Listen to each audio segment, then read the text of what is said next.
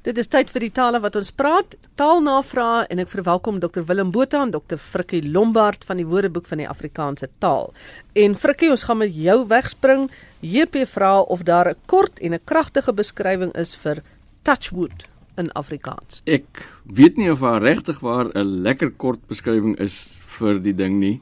Ek gaan so 'n bietjie rondom die saak ook praat, maar kom ons sê maar wat ons in Afrikaans uh, sal sê is miskien hou hou duim vas terwyl jy nou aan die hout raak. Of jy sê kom ons hoop dit gebeur of dit loop goed af en as dit iets slegs is dan sê ons kom ons hoop dit gebeur nie of iets van die aard. Maar ek het gekyk in die burger kry ek klop aan hout klop op hout maar net een van elk. En ek dink dit word werklik algemeen gebruik jy miskien kan die luisteraars ook maar laat weet as hulle iets beter ken. Maar wat beteken hierdie touch wood? En die Amerikaners praat ook van knock on wood. Waar kom dit nou vandaan? Nou dit laat ek net sê dit word uitgevoer natuurlik terwyl iemand aan 'n hout raak, sê maar 'n lesenaar of 'n stoel of iets wat hout het dan dan sal jy nou sê dis dis 'n bygeloof eintlik jy sal hoop dat daar iets goeds gebeur op wat jy gesê het. Touch wood. Of as dit sleg is dan dan hoop jy dat dit nie gebeur nie. Nou dit kom in geweldig baie tale kom hierdie ding voor. Dit is maar gewoon volksoorleweringe en dit het versprei oor alle tale heen omtrent of oor baie. Aanvanklik was daar in in in die westerse veral germaanse volksoorleweringe was daar die sogenaamde driades of die boomnimfe of bosnimfe en die mense hulle het in die bome dan gebly en die mense het altyd uh, gedink uh, hulle bring geluk en later is die geluk oorgedra van die nimf as dit ware na die boom toe net die feit dat die boom daar is kan jou gelukkig maak in Ierland byvoorbeeld is daar ook om die kabouters of dwerge te bedank vir die geluk wat hulle gebring het, klop 'n mens teen die hout. Ek het sommer so 'n paar ander gevalle ook opgeteken in vroeë Engeland het hierdie knocking on wood beteken dan dat mense wat geheime met mekaar wou deel, het eintlik in die woud ingestap en dan teen 'n boom loop staan en die geheim vertel, maar terwyl die geheim vertel word, is daar heeltyd teen die boom geslaan as dit ware sodat die bose geeste nie kon hoor wat jy nou fluister of of uh jy weet oor vertel nie. Italië praat hulle van toccaferro. Dit is jy met ander woorde eyster wat geraak word uh veral as jy nou begrafnisondernemers sien of of so iets. Bulgarië, Roemenië, Kroasie, Pole, Rusland, daar's oral is daar uh jy weet uitdrukkings wat wat hiermee te doen het met iets met die hout te doen het. In Turkye byvoorbeeld as jy 'n slegte uh ondervinding gehad het, dan trek jy in jou een oor lop oorbel en jy klop twee keer op die hout en dan sê jy mag God my hiervan bewaar.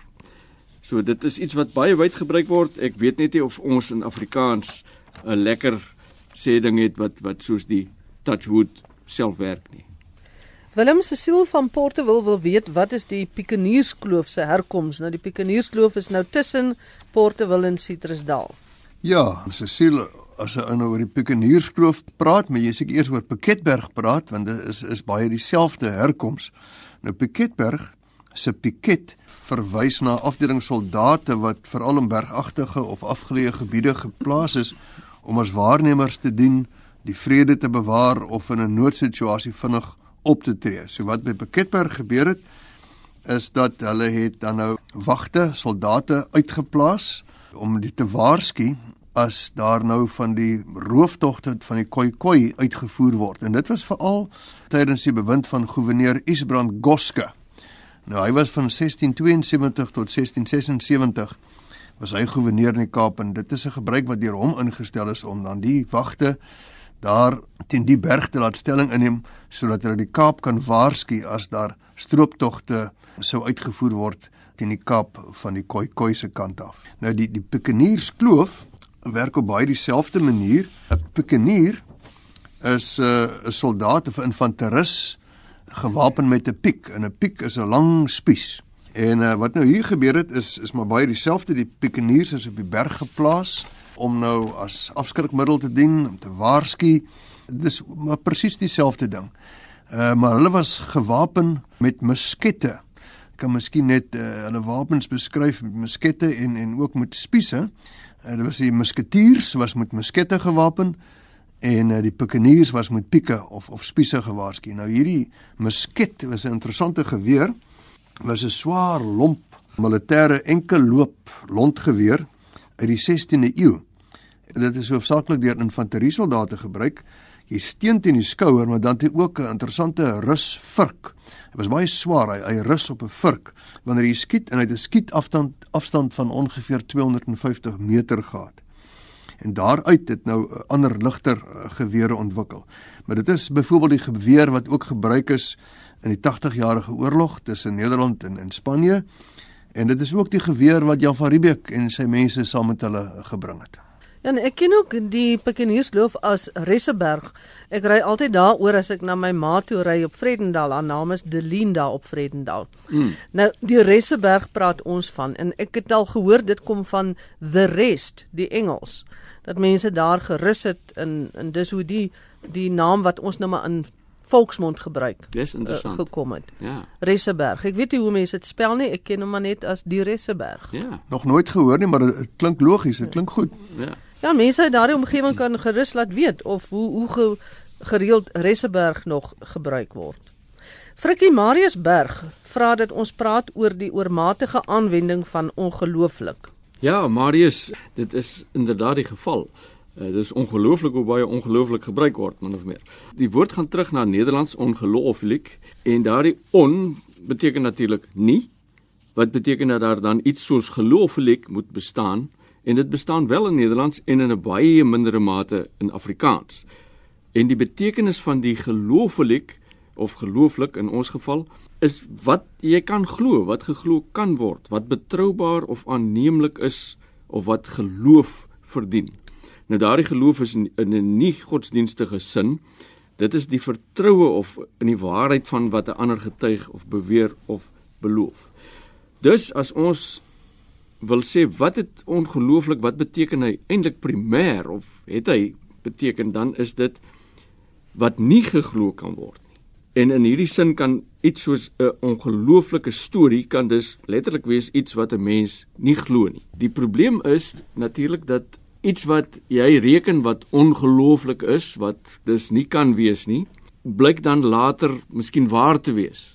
En dan het die volgende betekenis van ongelooflik daaruit gegroei. Dit beteken dan merkwaardig of uitsonderlik. Dit is so merkwaardig of uitsonderlik dat jy sê dit is, jy kan dit as dit ware nie glo nie. Maar ek stem heel hartig met Marius saam dat die woord geweldig te veel gebruik word as dit ware. Elke tweede ding is nou ongelooflik terwyl ons eintlik moet sê man as iets ongelooflik is beteken dit dit is werklik merkwaardig of uitsonderlik. Gebruik dit so, moet dit nie vir enige ding aanwend nie. Willem, hoekom praat ons van Brussel en nie van Brussels nie. Dit is doodgewoon korrek. Dit is soos die Nederlanders of dan in die Vlaminge in België dit dit gebruik.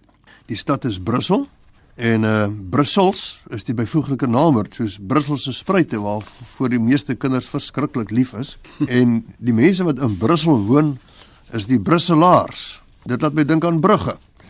Brugge se byvoeglike naamwoord is Brugse, soos Brugse mense of Brugse gewoontes en die mense wat in Brugge woon in Nederland is die bruggelinge. Dit is maar eenvoudig, dit is die korrekte vorm na aanleiding van die Nederlands, maar ek stem saam met JP die die meeste mense sê waarskynlik of baie mense sê waarskynlik Brussels, maar dis 'n navolging van die Engels.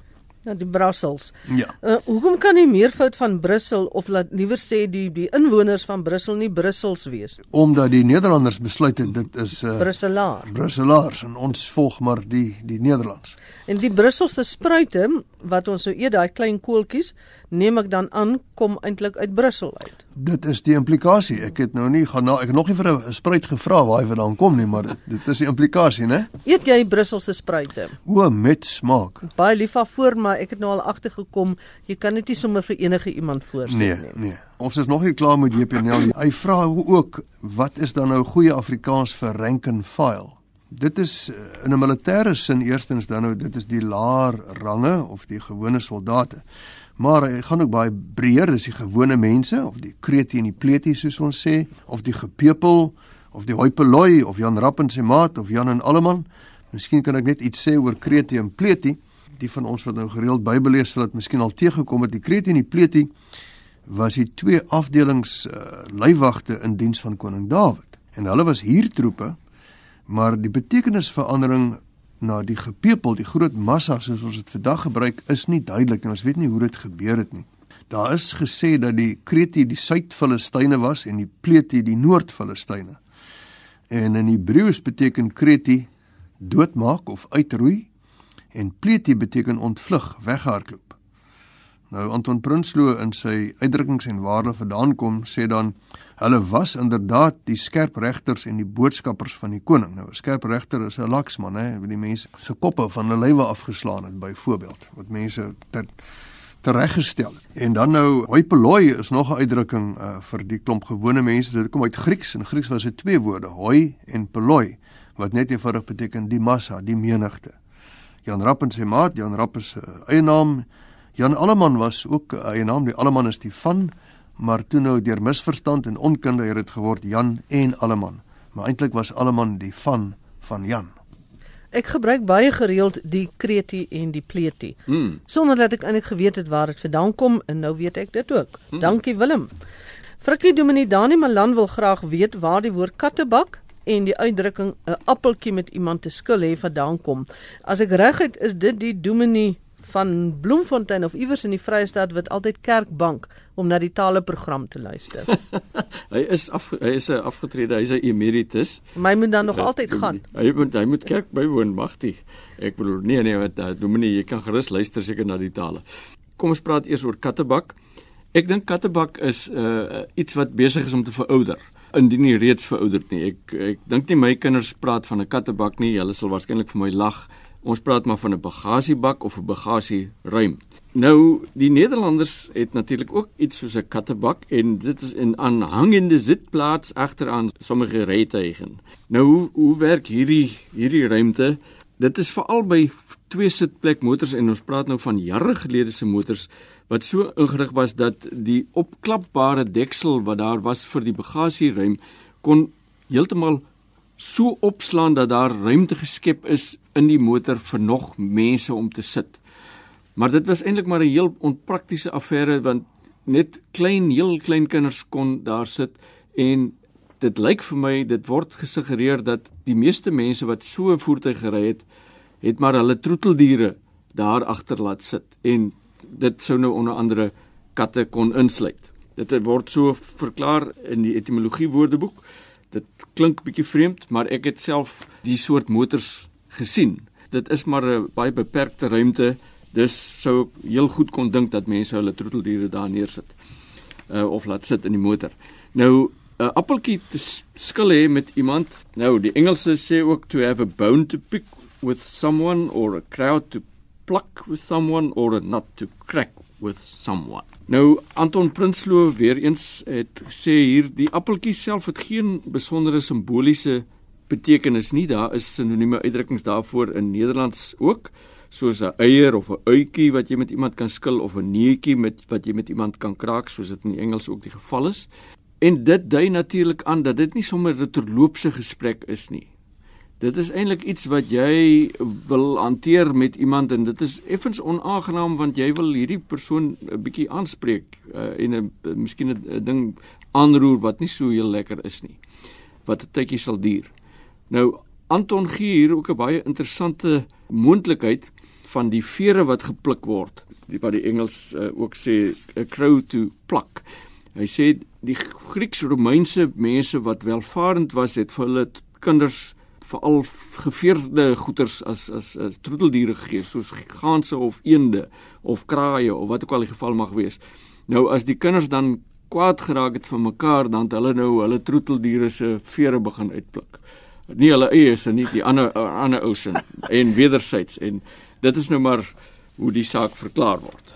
Willem Ella Smit vra wat goeie Afrikaans vir roadtrip sal wees en daarbey wil ek sommer ingooi roadshow. Roadshow het nou al 'n paar alternatiewe in Afrikaans. Dit kan 'n promosietoer wees, dan of wie nou die roadshow onderneem, of in die politiek is dit 'n verkiesingstoer. In die musiek kan dit 'n poptoer wees En volgens die Woordeboek kan dit in die radio en TV wêreld kan dit 'n doodgewone plaaslike uitsending wees. As jy nou gaan, jy gaan na Heidelberg toe, na die skou, jy gaan daarvandaan uitsaai, dan sit 'n roadshow, maar dis eintlik maar 'n plaaslike uitsending. Klop dit vir jou? Die sin waarin mense dit gebruik nie so heeltemal nie, want ek dink ons almal praat maar van 'n roadshow waar jy van een plek na die ander na die ander gaan. Onlangs het ons byvoorbeeld op 'n verkope roadshow gegaan waar ons in Durban was, Pretoria, Kaapstad oral.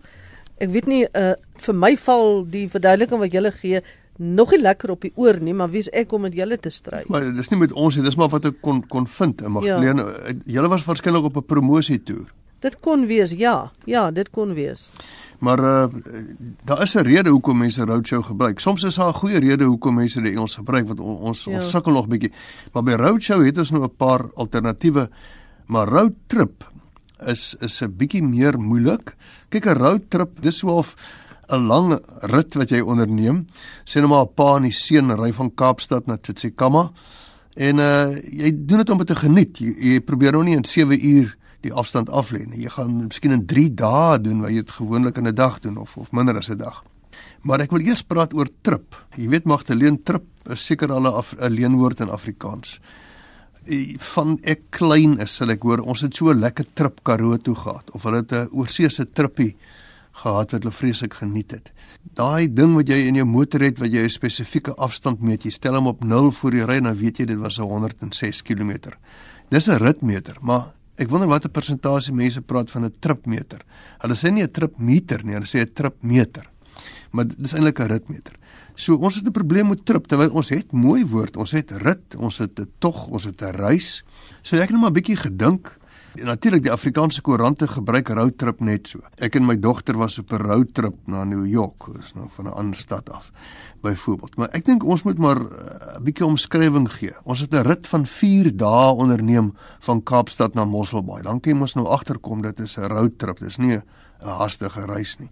Of 'n kuiertog of 'n plesiertog of ons het kuier kuier gery of ons het pad langs 3 dae gery. Ek dink ons moet maar omskryf. Uh, ek wil nie sommer sê ons moet 'n nou road trip as Afrikaans beskou nie, maar hy hy kom nogal baie voor uh, veral in die koerante of miskien net trip. Ons gaan op ons gaan op 'n trip hier op Kaap toe. Terwyl trip nou al amper Afrikaans is, né? Ja. Ja. Of 'n trippie, trippie is tog Afrikaans. Ja, 'n trip van 4 dae. Ja. of maar dan kan jy net sê 'n rit van 4 dae Magdalene. Ja. ja, maar jy rit nie die hele tyd nie, jy klim ook af. 'n Rit is vir my meer ry.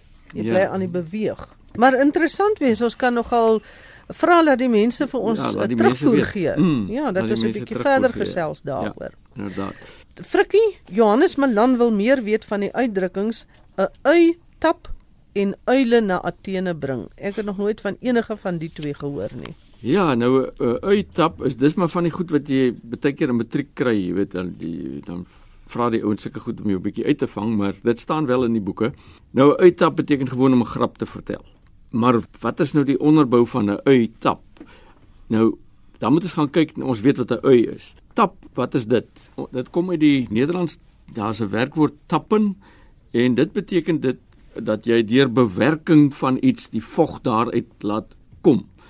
Nou as jy ui dan tap, dan sny jy nou aan hierdie ding of so en ons weet almal die ui laat jou oë maklik traan. Dit gebeur. Hoe werk dit dat dit met grap in verband gebring word? Wel, as jy 'n grap goed vertel, dan kan mense baie keer half huil van die lag. Nou, daar's hierdie snaakse ding, jy weet die die ui laat jou laat jou effens huil amper uh en jy huil van die lag. Die goeters is nou maar op 'n snaakse manier bymekaar gebring. Maar uh soos jy sê tereg, Magdalene, uittap is iets wat jy nie aldag hoor nie. Uh uile na Athene bring is wat die Engelse ook sê carry coals to Newcastle. Die uil is lank as 'n simbool van die wysheid gesien. Soms ook 'n simbool van domheid nogal heel vreemd want jy praat van uilskuikens. Dit wil sê goed wat uitgebroei is deur 'n uil en hulle is dom. Of iemand is nie onder 'n uil uitgebroei nie net soos nie onder 'n kalkoen nie. Uilspieel uh, dan was die uil dan was die uil nou dom. Maar in Athene se geval by die by die Grieke uh, was uil gesien as 'n as 'n sinnebeeldige kenteken as dit ware van die stad Athene want Athena wat die beskermgodin was is dikwels met 'n uil geassosieer en dit was wyse diere om dus 'n uil na Athene toe geneem het destyds was om wysheid te neem na die setel van wysheid. Dit was half onnodig. Dr Willem Botha en Dr Frikkie Lombard, dis vir my en die luisteraars altyd lekker om te luister na julle interessante verduidelikinge. En daarmee dan die einde van vandag se die tale wat ons praat. Ek is Magtleen Creer. Groet tot 'n volgende keer.